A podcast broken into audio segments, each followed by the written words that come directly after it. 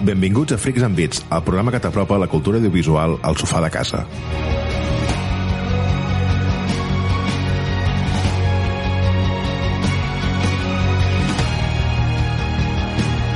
Avui, amb aquest temps primar primaveral que comença a humitejar les aixelles i a aixugar els cervells, som Pau Sabés, Bon dia!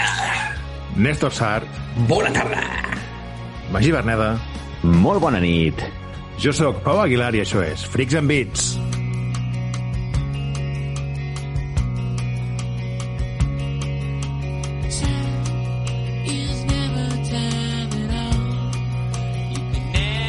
Avui a Freaks and Beats tenim dissecció sobre pel·lícules de taurons, la crítica de Returnal, fricòmetre sobre els Mitchell contra les màquines i videojocs de paraules.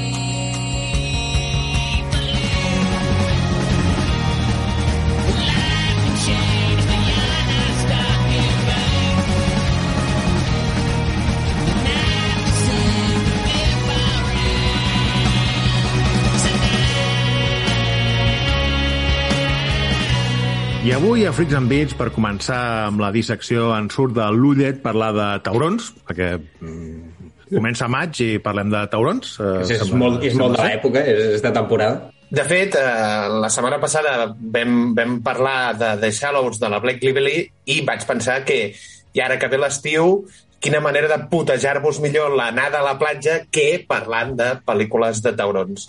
I com que Tiburón de l'Steven Spielberg és una de les meves pel·lícules preferides, doncs anem a gratar dintre el que seria el cubell de pel·lícules de taurons. Autènticament gratar, eh? Perquè No, no, hem gratat fins a treure el que seria hem netejat del la final. fosa sèptica dels Però taurons, eh? gratar-se al final, al principi, és calité. Sí. Sí, sí. sí, Bé, sí. bé, bé. Però te l'acabes molt ràpid, eh, la qualitat dels Exacte, taurons. exacte. Ja. doncs bé, Pau, parla'ns de pel·lícules de taurons. Amb què comencem?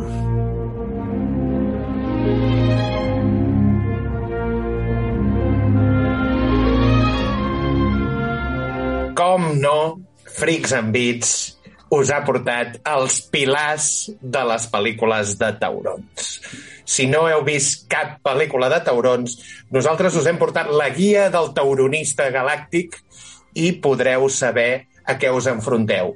D'entrada, us expliquem que hi ha dos tipus de pel·lícules de taurons.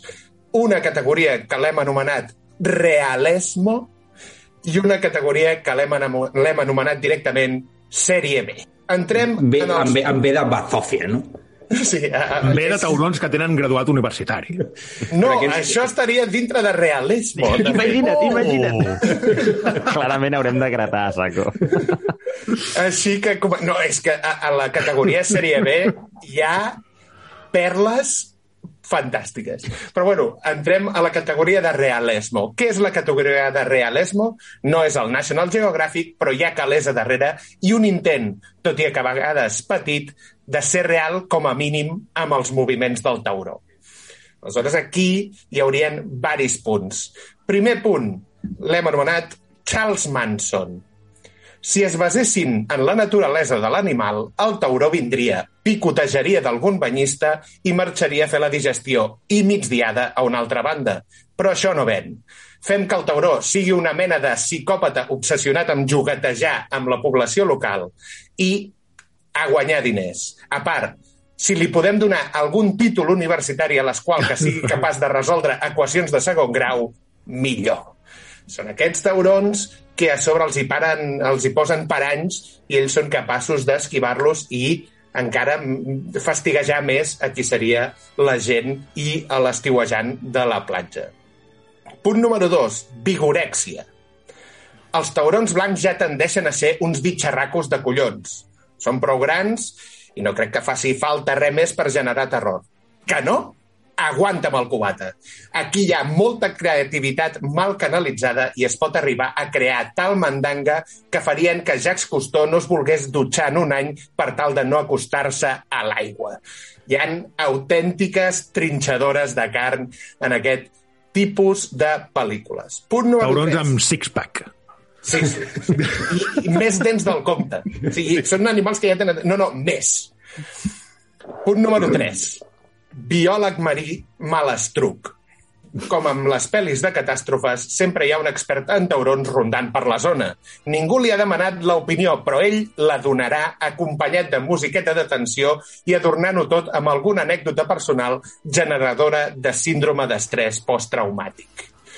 Sí, normalment sempre els hi falta un braç o tenen una queixalada al mig del tòrax o alguna cosa, alguna peculiaritat d'aquest tipus. Punt número 4.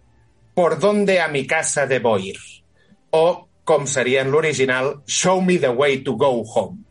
Aquest punt és que hi ha d'haver sempre un pescador d'uraques, un submarinista experimentat o un Navy SEAL que tregui les castanyes del foc a la gent que quedi atrapada entre la màquina picadora de carn i la paret. Sol ser un tio sense pèls a la llengua, amb un passat militar o de presidi, bon cor, però poca empatia amb els pixapins amants de l'aventura que creuen que tocar els pebrots a un assassí en sèrie amb les dents de la mida d'una espasa d'almogàvers és bona idea. Punt... Bon cor, però no, però no, no ho ensenya. S'ho amaga, s'ho queda per ell. Només ho veus al final. Correcte. Punt número 5. Fuita d'aigua. Els taurons són peixos. Els peixos no poden respirar fora de l'aigua. Tranquils. Tenim un equip de guionistes que trobarà alguna excusa de lo més creïble per emplenar d'aigua qualsevol espai i fer-la totalment tauronejable o tauró-friendly. És dir, tu et creies que aquesta mansió on estaves no hi podia haver aigua? Tranquil. Al, a l'Everest, sí, doncs pues no. Desfaran la neu i el tauró... i el tauró arribarà en aquella zona on d'això, que aquest barco és in, inenfonsable, tranquil, trobarem la manera de fer Hi ha una escotilla. Hi havia una esquerda. Punt número 6. Gàbia. Clar que sí, home. Has vist el tauró que trinxava barcos com si fossin escuradents. Em posaré en aquesta gàbia de l'IKEA per gestionar la situació de manera més òptima. Definitivament, el tauró és el més llest de la peli. I últim punt, 4 de juliol. Un parell d'arpons és de covards. Acosta'm aquest TNT que et va sobrar de l'altre dia i ja veuràs com riem. T'agrada el sushi? La millor manera d'assegurar-te que l'animal mor és fent-lo explotar. No dormiràs tranquil fins que la bestiota salti pels aires. És a dir, sempre s'ha d'acabar el tauró de manera espectacular i made in Hollywood. Home, és que si no passa com les pel·lis de Scream, que mai mai estàs segur que estigui mort. Vull dir, si el fas rebentar en 50.000 trossos, llavors... O fa, És un que- o fa un monstrabú d'aquest, o... Sí, és el que diuen a, a Zombieland Double Tap o mata i remata. És a dir, assegura't que el bitxo ha caigut. Doble tap la sardineta, sí. Exacte. doncs dins d'aquestes pel·lícules ja entraríem amb la més clàssica de l'any 1975, Tiburon. Baby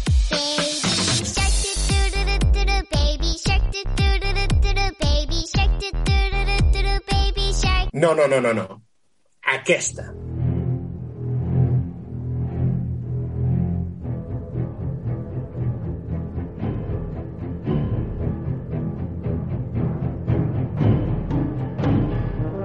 Dirigida per Steven Spielberg i basada en el, en el llibre del Peter Benchley, protagonitzada pel Roy Schneider fent de Jefe Brody, el Robert Shaw fent de Queen, el Richard Dreyfuss fent de Hopper i la Lorraine Gary fent de Ellen Brody, amb el Murray Hamilton fent de l'alcalde aquest, que necessita Aquest que també és una altra figura molt, molt repetida, no? L'alcalde aquest de tornin a obrir les platges, que aquí no ha passat res.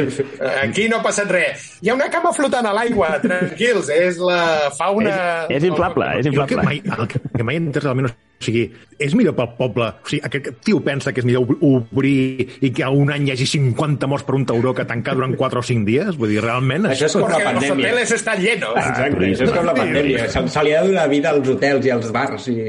És una pel·lícula que el Sí, pobre Steven Spielberg sempre ha explicat que va ser un autèntic malson per ell, perquè, eh, el, de fet, algo que ha fet que la pel·lícula sigui tan bona és que el tauró apareix relativament poc, però no és voluntat de l'Spielberg que el tauró aparegués poc, perquè l'animatrònic de tauró els hi funcionava bastant malament, per no dir horriblement malament. Aleshores, ell estava desesperat. I va arribar un moment que li porta la pel·lícula en el, en el, en el John Williams, que és qui posa la banda sonora, i li diu, John, posa música. I aleshores al John se li va acudir el gran tema de, de, la, de Tiburon. Dues i, notes. Que són dues notes, i li diu, Steven, ja tinc el tema. I el, ve l'Steven, tal, i diu, mira, i es posa davant del piano i li fa teren, teren, i l'Steven Spielberg... paga, no, ara? Sí, l'Steven Spielberg va entrar en còlera i li va dir, què és? O sigui, entra lo de l'animatrònic i aquesta merda que m'estàs donant. I no, no, no, amb orquestra quedarà fantàstic, ja ho veuràs. En efecte, amb orquestra queda fantàstica. Dir-vos que Tiburón té eh, tres seqüeles. Tiburón 2, de l'any 1978, on el Roy Schneider repeteix com a jefe Brody, torna a haver-hi la mateixa situació, és a dir, eh, vols caldo, dues tasses. Novament el jefe Brody, aquí hi ha un tauró, no me lo credo, tal, i al final ell ha d'anar amb el barquito de la policia a salvar el seu fill que està fent uns, unes excursiones recreatives eh, d'adolescente amb els seus amiguets i que queden atrapats perquè el tauró els hi fa un búsqueda i captura perquè són taurons amb memòria. És una pel·lícula que està una miqueta... Ha, olor, És ha olorat els mateixos gens i això, això no es perdona. De fet, on olora els mateixos gens és a Tiburón 3, que aquí es va dir Jaws 3D, perquè era una pel·lícula en 3D de l'any 1983, Oh. on el Dennis Quaid fa de fill del, del jefe Brody, fa de Mike Brody, i l'Emilio Estevez feia de l'altre fill del Mike Brody. El Dennis Quaid és uh, un oceanòleg que està treballant per un parc d'atraccions aquàtic i el tauró decideix que esos genes me desuenen Mi merienda. i se'n va a un parc aquàtic a, a fotre's tot el turisteo que hi ha. I, Pau, has dit que la tercera és del 85? Tiburón 3 és del 83. 80... Ai, 83. Del nostre any. Sí, sí. Sí, sí, sí. Però Pensava espera't, perquè, perquè Tiburón 4, La venganza, és del 87. Però, un moment, I el més greu de tot això és que un dels personatges protagonistes és el Sir Michael Caine. Quan encara no el convidaven a Bistecs i s'havia de guanyar la vida d'alguna manera. Aquí, aquesta pel·li sí que ja és ja és, uh, m'ha agradat la teva família, perquè el, el tauró inicialment ja es menja un dels fills del Brody, ja per, per venjar-se... Encara hi ha Jefe Brody, la 4? No, no, el jefe Brody aquí representa que ja s'ha mort, s'ha mort, el jefe Ah, ja... Brody Va, va. però sí que hi ha la Helen Brody feta per la Lorraine Gary. O sigui, la Lorraine Gary encara aguanta el paper. I acaba, si la mort del tauró aquí és ja de lo més inversemblant, em sap greu, us fotré un spoiler d'una pel·li que la nota és un 3, o sigui, que no crec que Endavant. veieu, que Sí, és sí. Amb un valer, amb un valer, quan el tauró està atacant, el valer té el, el, que és el mast, la punta del barco, se li ha trencat i empala el tauró amb el valer. O sigui, és... una maniobra hiperlenta, no?, de calcular. Sí, perquè pareix un barco d'aquests de vela, no? De està vela, no? perfectament el d'això. Jo la, la primera de, de, de Tiburón sí que fa, fa menys que l'he vist. Les, les, la 2 i la 3 em sembla que són les altres dues que he vist, però fa molt més temps. La 2 per això, òbviament és pitjor que la 1, molt pitjor que la 1, però aguantava una mica més d'essència que les altres. La 2 aguanta, la 2 Sí. aguanta. La 3, jo, perquè en, a l'època... La 3 jo la, la, la tinc en estima perquè, com que em vaig obsessionar amb, amb Tiburón i d'això, la 3 encara. Si tu ara mires l'animatrònic de la 3, el tauró, hi ha alguns moments que gira la cua a 90 graus de manera totalment Ja. artificial. És, és molt xunga de veure Tiburón 3, però mantenia un punt l'essència. Aquesta ja, la 4, és... Però que t'anava a dir que precisament de la 1, eh, um, que és un encert que realment al final el, el, el tauró no acabi sortint tant com teníem pensat, però és que quan surt, hòstia, és una pel·li de l'any 75, eh, realment. O sigui, l'animatrònica aquella està molt ben fet. I a part tenen escenes de taurons blancs de debò. L'escena de la gàbia amb el Richard Ah. Dreyfuss a dins, tota aquella escena és un tauró blanc de debò que ajuda a que la, la, el moviment d'aquell tauró es vegi natural. Després ja l'animatrònic sí que l'utilitzen quan estan a l'orca amb el, el vaixell, amb el Queen i que el, el barco eh, aquell sí que és un animatrònic que, que el veus una miqueta... Bueno, està, és limitat, vull dir, el tauró sí, però tanca la boca. hòstia, que fot, fot 50 anys, vull dir. Que... Mm -hmm. Sí, sí. sí, sí. Molt bé, sortim de la saga Jaws i entrem a Deep Blue Sea. You'll bring the whole facility down. Better off taking our chances with the sharks. Hey, you want to go swim with your little fishes, miss? You go right ahead. Me? I'm opening this door and I'm climbing out of here. The hell you are. Hey, I don't work for you anymore, okay? I don't have to keep your orders. That's enough now from all of you.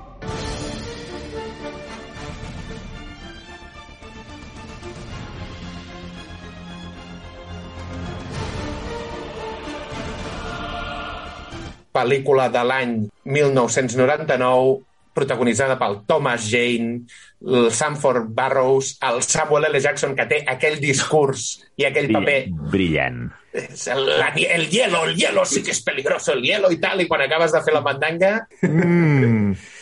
Per boques. el Michael Rapaport, el Stellan Skarsgård, que fa de científic, l'El Cool J, que fa de cuiner, i un llarg, etc. Aquí representa que són uns científics que estan en una base submarina on tenen uns taurons que han descobert que té una hormona en el cervell determinada que permetrà curar l'Alzheimer. Aleshores, el Samuel L. Jackson, que és el, el directiu que ha posat diners en aquest projecte, va a veure uh, aquest experiment, queden una nit per fer l'experiment, tota la tripulació se'n va, perquè en principi és el cap de setmana on, on tenen lliure, queda poc personal dins de la base, decideixen fer aquell experiment que funciona, però se n'adonen que els taurons que, que en principi estan, amb, amb els que estan jugatejant han sigut modificats genèticament i els han convertit en uns autèntics Alberts Einsteins del mal. Bé, Si no recordo malament, em sembla que l'argument és com que necessitem més quantitat d'aquesta hormona, eh, farem el possible per fer el cervell dels El taurons cervell més gran. megataurons. Però escolteu una cosa, eh, Pau, eh, m'està espantant que aquesta l'est- l'estàs col·locant a, en aquesta categoria de realismo. és que, No, no, quan et plantegi la sèrie B, fliparàs. O sigui, terrible, tio, això.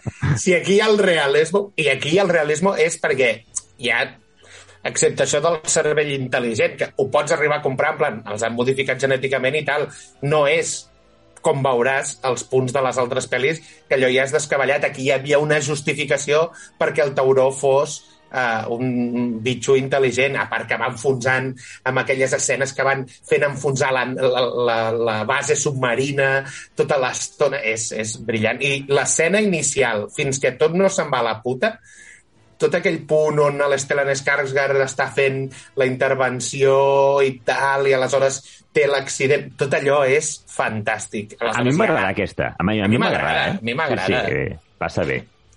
Aquesta s'aguanta, s'aguanta, sí. Sí. Vinga, pel·lícula de l'any 2016, The Shallow. Hey, sis. Hey! I just want to let you know I made it here. Mom was right. It took forever to find, but it's perfect. What did you say the name of this place was? This is paradise. És la pel·lícula que us vaig explicar la setmana passada, el Jaume Collet Serra amb la Blake Lively, l'Oscar Jaenada i aquest tauró que jugateja amb ella mentre ella està en una roca eh, intentant sobreviure. És que no una hi ha pel·lícula... res més a menjar al mar, vull dir, vol fotre's aquesta, aquesta petita noia. Això també és realista, Indefensa. no?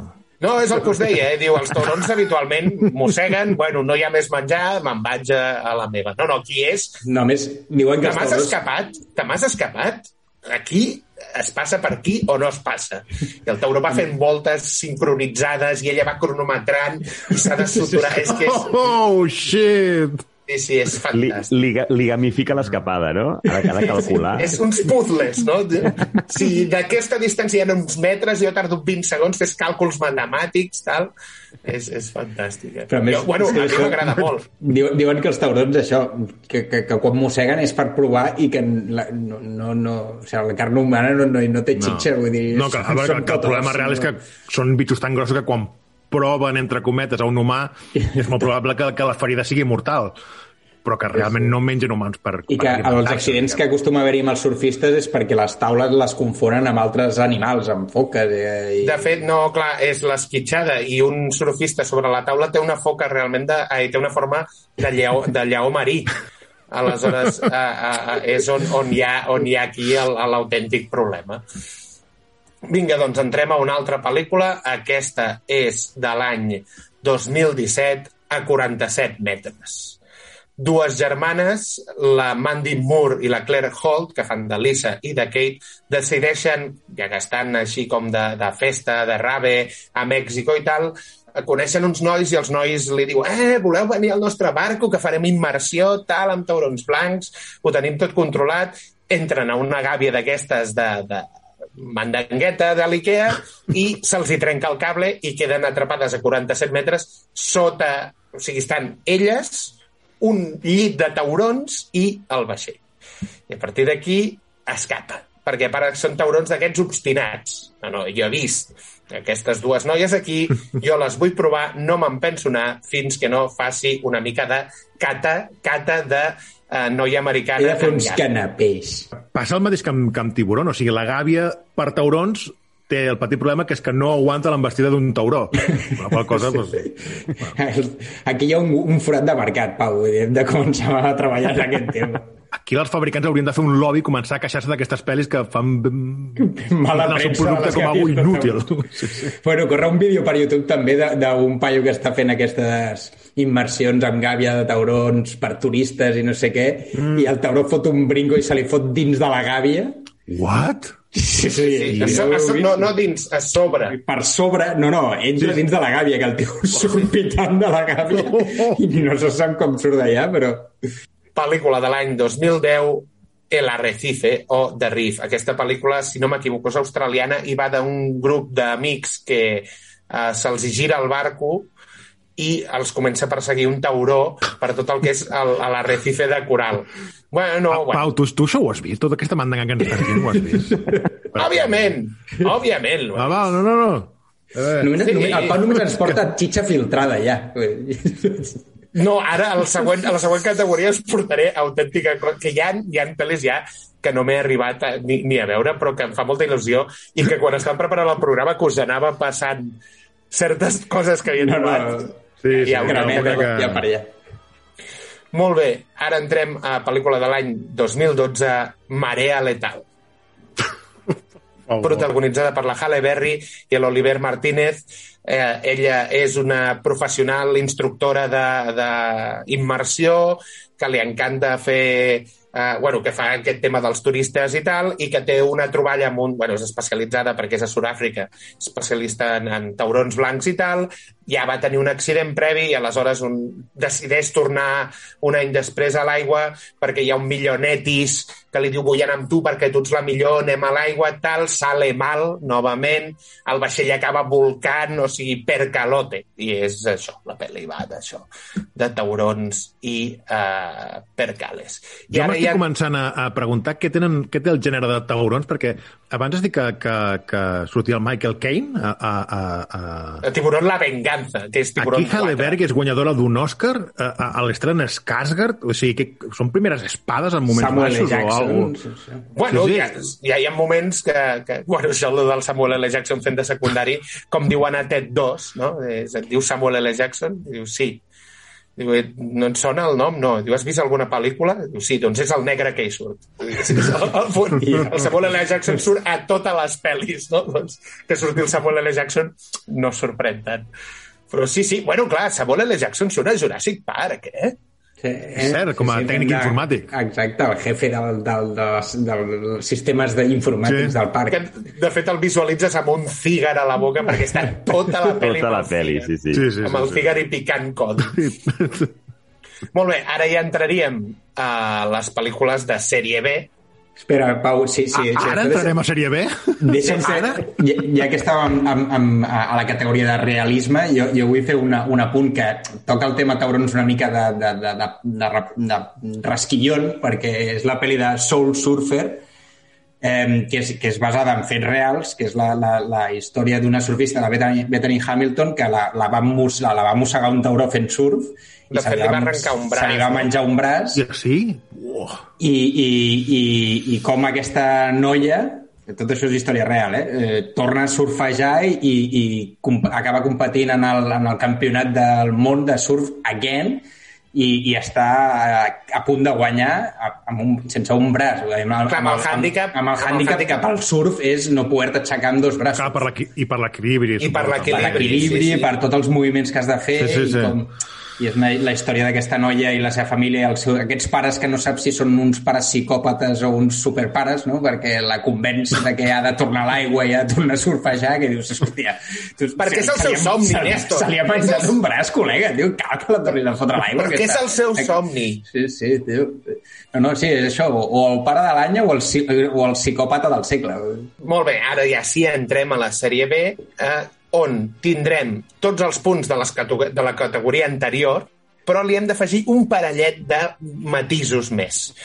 Primer punt, xarcuteria fina. a part de ser un assassí sense escrúpols, aquest tauró també és un pervertit de caldeu. Podent atacar una platja qualsevol, el molt bèstia sempre tria aquella platja on hi ha un concurs de biquinis o joves tenint festes universitàries amb alt contingut eròtic, molt pit i cuixa i un productor executiu darrere una pel·lícula que segurament vingui del cinema pornogràfic. Punt número 2. Tuning. Si els creatius de la secció de realismo ja anaven un punt sobrats, aquesta gent li transpira el penis absolutament tot. Ressusciten taurons prehistòrics, els hi foten dos caps, cames o ametralladores. I els importa tot un bledo. Sembla que aquesta gent va tenir la idea de la pel·li una nit de festa entre col·legues i algú va dir sabeu que estaria de puta mare fer una pel·li de taurons? I salta un altre i diu però que volin, i que tinguin missils, i que siguin nazis. El que és més intrigant de tot això és que hi va haver algú que els hi va comprar la idea. Punt número 3. La naturalesa és sàvia. Si no en teníeu prou amb els taurons, hi afegirem un tsunami que inundi la zona, un tornado que porti els taurons com si anessin en metro o simplement clavegueres molt grans. És a dir, se les empescaran. Si abans el tema d'inundable ja era algo sospitós en algun punt, ara ja els hi transpira absolutament tot i diuen, eh, que s'ha de fotre un tauró en un llac, es fot el tauró en el llac. Que s'ha de fer un tsunami perquè arribi al mig de Nova York, es fa un tsunami. Que un tsunami no és creïble, fot-li un tornado, que segur que això t'ho compra. Eh, i hi ha un productor darrere fotent pasta perquè li van portar la idea i va dir sí, posaré no. aquests... I algunes 100 d'aquestes més d'una vegada, que això és el que és més preocupant. Sí. Entrarem ara a la, per mi, la que es podria salvar de tot aquest col·lectiu, que és la pel·lícula de l'any 2018, Megalodon. This tracker rifle only has a 100 foot range. 100 feet? Get really close before you shoot. Great. If you want me to go instead, I will. You got this, Nick. Okay, good, because I was lying. Be safe. Yeah, thanks, pal. dirigida pel John Turteltaub, protagonitzada per Jason Statham, Bing Bing Lee, el Cliff Curtis i un llarg etc. Això eh, és, un, és producció xinesa, és a dir, els, xin, el, els xinos ara s'estan intentant posar a Hollywood finançant pel·lícules d'aquest tipus. No és una mala pel·li, No salva, Pau. No, no, no salva, Pau. No. No, no salva. Només dir-te només dir que té millor puntuació que algunes de les que he posat a Realismo. Sí, és probable. Sí, sí. De fet, Tiburón la venganza està molt per sota d'aquesta pel·lícula. Hòstia. Què ens porta aquesta pel·lícula? Doncs ens porta Jason Statham en neoprè i taurons de mida d'un autobús o fins i tot d'un 747. Uns científics que estan descobrint que sota el mar hi ha una segona capa com d'oxigen i tal. Uh, el problema és que un dels submarins d'exploració queda atrapat i qui pilota aquest submarí és l'exdona del Jason Statham. Jason Statham, que ja havia perdut uns homes i s'havia retirat tipus Rambo a Tailàndia fotent-se unes birres i, i no vull molèsties, el venen a buscar. Ei, la teva dona, la meva dona ha quedat atrapada. Tranquilo, ara hi vaig, ell hi va, rescata el submarí, però mentre rescaten aquest submarí, algú l'olfateja i diu, eh, humans? cap allà que me'n vaig. I surt el tauró, aquest gegant que és capaç de menjar-se un barco com si fos un canapé. I és una pel·lícula eh, fantàstica. Jo, bueno, jo la vaig trobar brillant. O sigui, quan menja humans, per això és com una balena menjant plàncton. Poder... No, però clar, ell, ell, és que No. li foten, com us deia, com que és, és tema d'aquests xinos, saps aquelles platges xines que tu veus que, que hi ha 2.000 flotadors i estan tots allà... Que, Que si fa una passada, com a mínim... Fa una passada i és com si fos plàncton, realment. Com plàncton, clar, sí, sí. Ara entrarem a pel·lícula de l'any 2012, Bait o Carnada. Aquí és un tsunami arrasa Austràlia, inunda mitja costa i són uns tios intentant sobreviure en un súper on hi ha un, un tauró juguetejant per als carrils de la verdura i la Per carnisseria. favor. Bueno, no està mal, eh? Però què vol dir? Però, què, però veure, Pau, què vol dir no està mal? Bueno, depèn del nivell d'exigència. Clar, i perquè et deu donar les típiques escenes de tensió, de la típica escena de ser notat al súper i hi ha un tauró i he de creuar per aquí dalt, saps? Jo, jo m'ho imagino. Tarda de diumenge, no? Ostres. Aquesta opció, aquesta opció l'has tingut amb cocodrils, eh, pues amb taurons, et foten un tsunami i tu... N'hi havia un altre de- d'un cocodril que han estrenat fa poc, que no recordo com es diu, que és molt bona. Mandíbules, no? No es deia? No, mandíbules, mandíbules també em va agradar, aquesta del tauró al llac. Ai, el sí, tauró al llac. llistó el- molt el- baix, eh? Bueno, tot aquest re- gènere, tot aquest gènere a, a de... realisme ens n'ha fotut 18 ja, el tio. Ah, però tota aquesta escena, la de mandíbula, la del, la del cocodril al llac, és finíssima. Aquesta pel·li... El d'això, jo què sé, és molt és millor que com la Anaconda. Piranyaconda o... No, Piranyaconda i d'això, però Anaconda, la de la Jennifer López. Té un, té un animatrònic que és lamentable, eh? Vull dir, aquesta... Però, però la de la Jennifer López, que, Sí, que sí. utilitzen el mateix plano del vaixell arribant i després fan el mateix amb el vaixell, amb una càmera enrere que veus que l'aigua de la cascada està pujant. Mandíbules, aquesta no té això, té, té molt més nivell. Aquestes pel·lis li falten el respecte al que seria el món del cine. I estem parlant que hi ha Jennifer López i John Boyd, eh, guanyador d'un Òscar per Cowboy de Medianoche, fent aquesta puta merda de pel·lícula. Però bueno... Tiburón S'han de 3D. pagar les hipoteques, Pau. Sí, sí, sí. I ser pare d'Angelina Jolie, doncs et deu demanar cotxes cars, tio, i en aquell moment pues, li havies de pagar el cotxe i... Tiburón 3D, La pressa, pel·lícula de l'any 2011, eh, Shark Night 3D. Aquest argument també és autèntica canela. Ens n'anem a la Casa del Lago, al mig de Louisiana, i en el lago doncs, resulta que hi ha tiburoles. Hi ha una miqueta d'aquest hola, què tal, encuentro sexual adolescente, uh, risa, estem de festa, cervecita, tal i qual, i tot es torça quan quedem atrapats perquè en el llac de la casa del meu papa hi ha un tiburol assassino. Però vull dir, si estàs en una casa, com quedes atrapat? No, perquè hi ha el llac i te'n vas a, te'n vas a, te'n vas a banyar-te aquella mini plataforma i al tauró, que òbviament... Que ja sap quina és l'escapatòria d'allò, no? Clar, no, diu, aneu a la plataforma, però d'allà no en tornareu. Saps què et vull dir? I el, el tema està en deixar que arribin perquè després no es pugui tornar.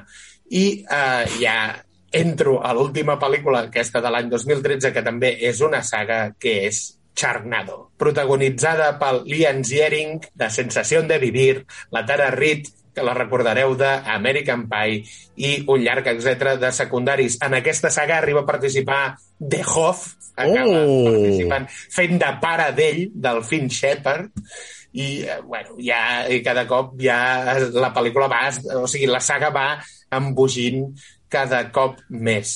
I si hi ha És el més semblant a Torrente que han fet els americans. Vull dir, posar, posar tios famosetes a fer aquesta pel·li de, de, tot, totalment seria bé. Jo d'aquesta saga he vist la primera exclusivament. I, i Que és- de que és la bona, no? I, no sé, i a mi la vaig trobar patètic. És que crec que en el moment en què va sortir... De quin any has dit que era la primera? 2000... 2013. Ah, bueno, no, clar, ja, ja tens anyets. Ara és grandet, imagina't si l'excusa de l'adolescència. No, no, i, i la vaig veure bastant, bastant després, però la sensació que tenia és que les animacions en, en 3, bueno, 3D, el, el, el, el CGI que surt per allà és terrible, eh? La sensació de que amb un paint, algú amb una, amb una mica bona, bon, bon pols, amb un paint et fa alguna més decent. Només et dic que hasta tu i jo, Magí, tio, clicant codi podríem fer uns taurons un punt més reals que aquells que hi havia a la primera de Sharknado. Terrible. El Ian Ziering també es viatja a Turquia o... o... Té pinta, té pinta. Té pinta? I, i do, una mica de bisturi, també tenia una mica de pinta. Mm. I ara ja us porto a pel·lícules que ni penso entrar però que farem una repassada de lo molt que dona el gènere de la tauromàquia cinematogràfica. Podríem dir D'entrada- taurofília, quasi, no? Sí, sí. D'entrada, sapigueu que Sea té dues seqüeles. Sea 2, Deep Blue Sea 3. No s'han molestat ni a posar-li un subtítol perquè ningú s'ho creuria. 47 metres també té una altra seqüela d'aquest tipus de pel·lícules. És 40, 48 metres. Que és a la distància que has de mantenir d'aquesta pel·lícula. Aquí hi entrem a, a... Hi va haver una vegada que van fer... Els americans els van entrar per fer la saga Mega Shark. I Mega Shark té Mega Shark versus Giant Octopus, Mega Shark versus Colossus, Mega Shark versus tal, el Titan, Però, o sigui, però ja... la, la, la, la, qui, o sigui, què, què és això? Quina és la, la, la, el ganxo d'això. De fet, en alguna sortia Lorenzo Lamas, l'Steve Urkel sortia en una Oh! altra. I era, Però era són, és, és com un Kong versus Godzilla o... o... Tipus això, tipus això. Ni més ni menys. aquest, aquest mateix Sí, sí. estil. Què més?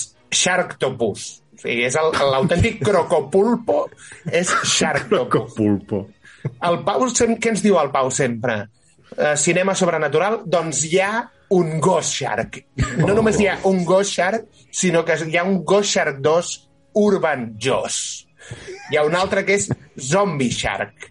Si creieu que també hi havia taurons eh, en el mar i tal, hi ha un Sand Shark, que seria tauró de sorra. És a dir, el tauró va per la sorra de la platja. Devil Shark, Malibu Shark Attack, Shark Attack directament sense ja ni molestar-se. Shark ja direct. Però això és No, no. d'algun estudiant de cine que ha fet algun un Berkami o alguna així, ha fet una, una, una pel·li, no? Perquè això no pot ser... No, hi- no deu haver estudis al món que financin aquesta, aquesta basura. Vols basura? El ataque del tiburón de dos cabezas. No només això, sinó que a algú li va encantar la idea i va fer el ataque del tiburón de tres cabezas. O sigui, el, el, el tiburón de pantano, Swan Shark, Dino Shark, Sharkosaurus, Sharktopus versus Piranyaconda i la que em va encantar buscant, que és Sharkansas Woman's Prison Massacre. Que això us ho vaig passar al chat i és algú tan... O sigui, aquest sí que ja està fregant el que vindria a ser el cinema eròtic, perquè és pit i cuixa perquè sí, un tauró que, que surt de l'aigua i, i, i jugueteja amb aquestes presoneres que van amb poca roba i armes, que també és el concepte, anaven totes amb armes automàtiques, i no, no m'he atrevit a, a, a llegir més de l'argument. És un concepte eròtic molt yanqui, eh, aquest, de ties lleugers de roba i, i web. Molt armades, Vull sí, dir, sí, sí. Sí, sí. És el, el Sony, el Sony trompista per excel·lència. De fet, això que està dient hi ha Mega Shark versus Mecha Shark, és a dir, un tauró gegant contra un tauró robot, hi ha de, de tot, de tot. I USS Indianapolis, protagonitzat pel Nicolas Cage, de l'anècdota que t'expliquen a Tiburón, n'han fet una pel·lícula de sèrie B. Però què fa això en aquesta categoria? Això hauria d'estar a l'altra, tio. No, I, bueno, I tiburón és, és, nazi no hi ha, tio. Vull dir... Hi havia tiburons from the sky i em sembla que Iron Sky hi havia aquells taurons que els hi havien fotut missils al costat i cobetes. A mi, a mi em sona veure una caràtula així. És que diria que és Iron Sky, que era el, el punt aquest de... Iron Sky, si no ho sabeu, va començar sent una pel·li indie totalment, que feien que els nazis havien sobreviscut a la Lluna A la part oculta de la lluna. a la part oculta i tal, Sí. i hi havia una segona part on em sembla que hi havien, ells tornaven muntats amb taurons voladors, o sigui, era algo molt grande.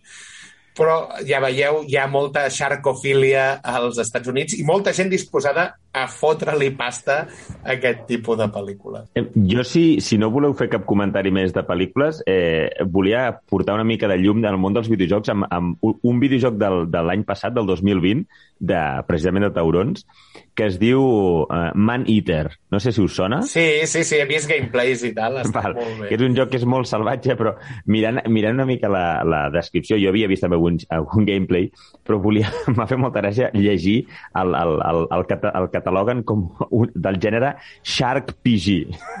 és un, un... Ah, portes tu el tauró. I tu ets, Tu ets el tauró. Ah, I has d'anar el tauró. cruspint a la penya, bueno, la penya i els vaixells i els barquets. Com, Comences- com era el que eres un dofí, el del Sea Odyssey, o com, com- es deia? El, el eh, Echo de Dolphin. Echo the Dolphins. El Sea, el sea Odyssey no és la- és l'atracció de... És l'atracció de M'ha PortAventura, no? vingut aquest nom, com podria haver qualsevol altre, eh? Em sembla que sí. Doncs, doncs no, no, portes, portes tu el tauró i et vas... És, és un, a veure, si diguéssim, vas adquirint noves habilitats que fan que siguis més ràpid, més fort, que mengis, que puguis mandíbules més grans i pots Els anar... màsters, no?, que es treuen per... per... Exacte. I vas, acabes, acabes podent enfonsar vaixells. Però és molt sanguinari, vull dir, és divertit en el sentit de que no és molt realista, o, bueno, no és gens realista, però és divertit perquè hi ha molta sang neta. Molt bé, fins aquí la dissecció sobre cinema de taurons. I ara, la crítica, amb Magí Berneda.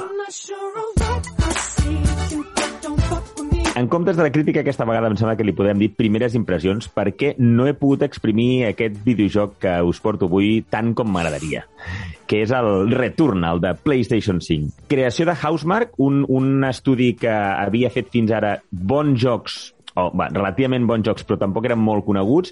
Veu provar per la PlayStation 3 un videojoc que es deia Resogun? Resogan? Us sona? No. No. No. Era, era, era, un, era un shooter molt... A nivell de jugabilitat era fantàstic, era tenir una, un sistema molt curiós de, de, de, de veure's i de jugar, però, però que sortava molt bé. És, bàsicament és una, una, una empresa que es dedica a fer bàsicament videojocs de shooters, d'acord? Doncs aquest Returnal ve a ser això, és un, és un shooter en tres, en tercera persona, diguéssim, però que ha sortit prou bé. De fet, eh, Metacritic el deixa amb un 86 a, a l'hora que estem fent aquest, aquest eh, programa, i podríem dir que és la primera gran sorpresa de PlayStation 5, un videojoc que és exclusiu de Play 5 i que ha sortit, doncs això, molt i molt bé. A veure... Ja comencem a refregar-los per la cara els del Game Pass. No, Aquest, és el primer. molt- Aquest només és el primer, Magí. Ens queda molt camí. Vosaltres sou profanos que no creieu en son. A veure, us, que no, home. us, us porto crí- crítica, crítica eh, repartida en, en tres parts, d'acord? Començo amb la primera part de temàtica i ambientació. Aquí, aquí crec que fa molt bé la, el, que, el que pretén. Pau, eh, sabés, tu que ets un fan de la saga Alien, crec que aquest videojoc és el, la, la millor versió de videojoc d'Alien que no és d'Alien. O sigui, i, i és millor videojoc d'Alien sense ser de- d'Alien, precisament. O sigui, Bueno, Millor que tots els que ara- aliens que han fet. No, espera que ara ha de venir l'altre joc. ha de venir que aquell. Us, us intentaré menjar l'orella perquè fem un, novament un cooperatiu que és un alien. El, que és no, però el, que- aquest d'Alien que, que ha de venir, vaig estar mirant en, en el tràiler, realment només veia sempre tres persones en el tres. O sigui, crec que és un, un cooperatiu de tres. Perquè No té, haurà... no té marines coloniales? Sí, ets tu. Sí, sí, però... Ets Però, tu. però, és un equip, però és un no pinta bé, no? Sí que pinta bé. És un Left 4, és un Left 4 Dead. És un Left 4 Dead d'Aliens. Bueno, apartem la basureta aquesta. Eh, Seguim amb el retorn. Eh, eh, eh, eh, eh, eh, La, la, la temàtica... Penso, no, farem fricòmetre d'això perquè ara penso votar. No, us deia, a nivell d'ambientació, molt xulo. Um, a veure, jo no, no, he para, no he anat al segon bioma, n'hi ha, hi ha uns quants biomes, els biomes és el que el nom que reben el que serien els, els, els escenaris, així, diguéssim, a lo grande, no? els mons, Tenim dir. una mica de context de història d'això o què? A part de que és una... Sí, el, el context, de fet, posat així en, en, en situació, tu ets la... la no, no recordo el nom. eh, Sina, em sembla que es diu, la protagonista. La princesa guerrera. Exacte. No, Silin, Silin, Silin, això. Dion, Eh, la cantant de Titanic. em serà molt difícil fer Silin i Yamcha. Silin i Yamcha. No, ets a Silin i de repente que, bueno, no saps ben bé què passa amb la història, tu la veus que va amb una nau i que està arribant a un planeta i degut a una tempesta li, li peta un del, del, una part de la, de, la, de la nau amb la que vas i vas, vas sola, eh, fa, tens un aterrissatge d'emer- d'emergència i comences a jugar, de, comences a, a explorar la zona del, on arribes, no? Un, una zona molt fosca, a priori així, gràficament és espectacular, bueno, espectacular, es veu molt bé, la veritat és que es veu molt bé. I ja al, al principi et trobes un, un cadàver com, el, com tu, baba com tu, no? I ja, ja si has vist una mica el trailer, ja saps, una, la gent que seguia el videojoc ja sap de què va, el que passa és que eh, mors, quan mors, perquè hi ha un primer final boss que en principi és complicat de matar, i suposo que hi haurà gent que ho haurà fet, bueno, quan mors, tornes a anar al moment de l'accident. Llavors, el videojoc juga, és, és aquest, aquest estil de videojocs que sembla un, ble- un bucle temporal. Uh, és l'excusa a nivell d'història de, per plantejar-te un videojoc estil roguelike, aquests que et diuen que cada vegada que mors, diguéssim que hi ha certes habilitats i artilugis que has obtingut que els mantens per les següents eh, rondes de joc, diguéssim, però hi ha moltes de les coses, que has, molts objectes, sobretot, que, que els perds. Els perds. Quan mors, els perds. I, i, És com un The Age of Tomorrow o... Sí, Una mica... sí. Només dir-me només és, és, un, és un checkpoint únic de tot el joc? O sigui, cada cop que mors vas al principi del joc?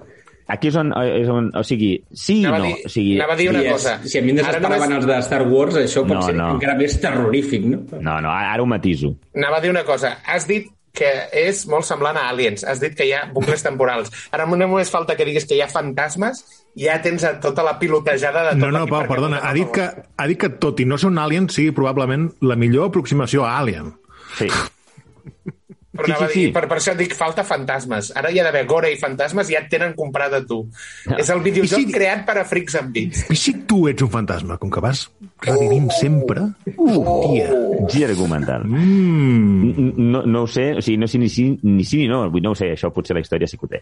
Bueno, sigui com sigui, um, Néstor, quan mors tornes al moment de la- del- de l'accident, però quan surts de la nau no estàs exactament al mateix lloc. És com si haguessis tingut accident a una altra, a una altra banda, d'acord? Uh, jo pel que he anat llegint, a mesura que vas avançant en la història i vas tenint diversos bucles, apareixes, hi ha moments en els que desbloqueges eh, tecnologia del, de les espècies dels xenomorfos que hi ha en aquest planeta i que et pots anar equipant i pots desbloquejar una sèrie de portals i eh, d'aquesta manera accedeixes a altres zones del planeta. Val? Llavors, els bucles temporals, diguéssim que tu, a mesura que vas jugant, desbloqueges portals que et fan de drecera, amb la qual cosa no és exactament com tu dius, no és que et tornis al principi cada vegada. Val? El que sí que és una putada... i- Has de passar el això- joc del tirón. Vull dir, si no, no, no, no. El que és una putada és que eh, si tu en en una... En anglès li, li diuen runs, d'acord? Aquestes rondes de joc, diguéssim. No són rondes... Amb l'Hades, per exemple, jo sabeu que sóc molt fan de l'Hades, les rondes de joc et podien durar 20, 25, 15, 10 minuts, depèn de, lo que, de com ho, ho feies de bé, no? Però el joc te'l podies passar potser en 35 minuts t'arribaves fins al final, però tornaves a començar i hi havia una excusa per tornar-lo a jugar. En aquest cas, les, les rondes les, les diuen que pots estar entre una hora, hora i mitja, dues hores. Clar, si pel que sigui tu durant aquesta estona has de marxar a comprar, o dius ja se m'ha acabat el temps de joc i ho vull deixar aquí, has de deixar la consola en repòs, el modo reposo clàssic, perquè és que no, no, hi, ha, no hi ha un checkpoint en aquest tram. O sigui, només grava la Però no, partida no pots mors. ni, ni, ni guardar, de dir, vale, o sigui, No. guardo O sigui, aquí en aquest moment i, i, i tu... el més, el més òptim seria deixa't matar, que es gravarà la partida perdent el teu progrés en aquell instant, però guardes la partida amb els, amb els objectes que tinguis. Estem als 80, Magí, estem a... Jo crec, jo crec que això... Game Ho, crec, eh? Crec que això ho, ho canviaran en, una, en alguna actualització, perquè és una putada. A, a mi, per exemple, que no, no, em costa molt tenir sessions de joc de dues hores, és una putada. Val. Volia fer menció especial a, a la jugabilitat. Eh, Us deia que els creadors Housemark, que són la, la, els creadors, mm, han fet, bà- bàsicament fan jocs de shooter, han fet un, un shooter en tercera persona molt, molt i molt cuidat. La veritat és que a nivell de jugabilitat, de mm, verticalitat, de rapidesa, d'esquives, el joc és molt fresc, molt àgil, estic veient la cara del Pau i m'està tocant molt els nassos, o sigui que ara, ara et deixaré, ara et deixaré que, que ataquis. I llavors, independentment de la, de la jugabilitat, menció especial al DualSense, ja sabeu que... Fa? Satisfyer. Magí, volem, volem saber què fa això, tio. Satisfyer. menjar-nos l'orella amb aquesta història i què, què, què, se sent? Hola, Magí, te he echado de menos. La veritat és que a nivell, eh, jo us deia, com que és un shooter, amb la realment... palma de la mà. El tema, el, no, el, el ralet, tema ralet. Et fa ralet, ralet cada vegada que apuntes. No, la veritat és que el tema de l'apuntat i del tret, eh, l'apuntar i apuntar secundari, notes com els gatells de l'R2 i l'A2 tenen eh, la, la, les diverses vibracions en funció del que dispares o dels apuntats, que se't bloqueja mig recorregut, està molt i molt, molt currat. I l'àudio 3D, que també en el joc ja, quan el, el comences et diuen que et recomanen que el juguis amb cascos, amb, auricu... amb sí, cascos que, que et funcionin, que, que siguin compatibles amb el àudio 3D del que la PlayStation 5 fa gala, doncs us he de dir que no et sé dir ben bé per què, però quan te'l poses, la, les, la, els primers instants de joc ja estàs percebent que és diferent als altres jocs. El sistema que han utilitzat, doncs la sensació de que tens un enemic darrere, eh, eh, el sents darrere. Està, està molt guapo. I eh, això també, enemics que tens darrere i que t'ataquen des de darrere, que aquí hi ha molts que, que no, que si no els tens davant no passa res. I sí, vull dir, la sensació de- de- d'angoixa i de ficar-te en l'ambient està molt i molt ben feta. Per tant, de moment, no us puc posar nota perquè fa, porto poca estona jugada, però la sensació és molt i molt bona. Ja us dic, ven- venint d'Hades tenia ganes de, de provar alguna amb aquest aroma de roguelike i fa, fa molt bona pinta, la veritat. Pau, Jo, el, el poc que he vist d'aquest joc, he de dir que, que la... que és la caràtula que ens va enviar el Magí, no? I a partir d'aquí ja soy un experto. Un petit vídeo d'uns pocs segons, també he vist, que és en el que basaré la meva, la meva crítica. he de dir que l'ambientació em va semblar magnífica, i, i juntament amb els gràfics, o sigui, no, no va per aquí la crítica, sinó que va per, per l'estil l'estil de shooter que és i el combat en si. Jo el vaig trobar d'aquests estil molt caòtic, no em va acabar d'agradar. Eh, sí, mira, eh, està clar, si ets mm. fan del, de shooters tipus Call of Duty en el sentit d'un mínim de tàctic d'amagar-te, controlar quan surts, és més semblant al Doom. És, és més Exa- semblant... Eh, sí, Sí. És, és, o sigui, també té molta exploració i com, jo crec que combina molt bé. Per mi el Doom és, és acció tota l'estona. Vull dir, no, Sí, sí, sí. sí. entres a una sala i a matar. En aquí hi ha, el joc realment es, es, cada bioma es separa per sales i hi ha sales que és d'exploració. I amb l'ambientació angoixant que té o de, de que ben bé no saps què està passant i tens tot el rotllo aquest del bucle temporal i la història que vas descobrint, hi ha una part que no és acció que està molt bé. Jo crec que això guanya punts. Però quan hi ha acció, òbviament és una acció moguda, sens dubte. Sí, si no t'agrada això, doncs òbviament no, no per mi, pel meu gust personal, massa frenètic. I deixeu-me dir-vos que si heu vist els vídeos, és dels que parles, trailers a més, gràficament dius ja t'agrada, ja et convenç, Sí, no té res a veure, no té res a veure, a veure, sí té a veure, però que es veu molt millor en directe aquest joc. O sigui, el tema, el que diuen, el, els 4K, l'HDR, totes aquestes pijades de, de nova generació, eh, si la tens una tele co- com s'ha de tenir, que et pugui reproduir tot això, hosti, em, és que de debò, eh? Que al·lucines, estàs flipant molta estona amb les llumetes, les partícules, tot, tot. I si agafes el La DualSense... textura, la textura de la pedra... Doncs... No, les, de, les del Metal 5 estan encara millor. I és exclusiu Sony, ha sigut aquest. Aquest és exclusiu de Play 5, sí, sí. O sigui, no podrem veure el que fan els del PC amb aquesta meravella gràfica. Bueno, pots, avui en dia no et, dir, no et dic que d'aquí un any comprin drets o venguin drets per aquí per allà i que el veiem en PC. A veure. Bé, bé, gràcies, Magí, per la crítica. I avui a Freaks and Beats, ja que fa poc es va estrenar els Mitchell contra les màquines, aquesta pel·li es sotmet al...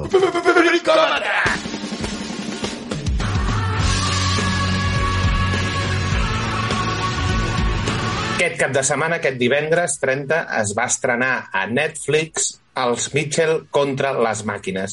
Pel·lícula que podeu trobar, i això és la gran novetat, doblada en català i amb subtítols en català. És a dir, si voleu veure el doblatge en català, que us haig de dir que corre un tall, i és cert, el doblatge és mil vegades millor en català que en castellà. Per què? No perquè ho diguem nosaltres, sinó perquè el doblatge en català està fet Que ho diem nosaltres. a part de que ho diguem nosaltres, però perquè, a part, el doblatge en català està fet per actors experts en doblatge i el doblatge en català, eh, en castellà, està fet per amiguetes. Sembla que és el, el Leo Harlem, la Kira Miró... Oh, no. i És un doblatge d'aquests. Sí, sí, sí, sí. Deixa molt que desitjar. Però si no voleu veure-ho doblat i voleu veure-ho en versió original, també té subtítols en català, amb la qual poseu-vos els subtítols en català perquè com a mínim també comencin a subtitular en català. És a dir, donem una mica d'empenta aquest procés. Passada a la speech polític, entrem al que seria la crítica de la pel·lícula.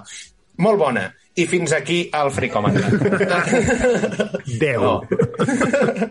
Dir-vos, és una pel·lícula d'animació dels creadors de, de Lego Movie i de Spider-Man Multiverse amb, eh, d'una família que la filla gran se n'ha d'anar a la universitat i aquell conflicte de la filla i el pare com més passa el temps, més es distancien a nivell d'aficions i tal, i just com que la nena s'ha d'anar anar a la universitat i el pare eh, mig la pífia tal, decideixen fer un viatge familiar per acompanyar a la filla d'un punt a un altre als Estats Units i mentre està passant això hi ha l'apocalipsi.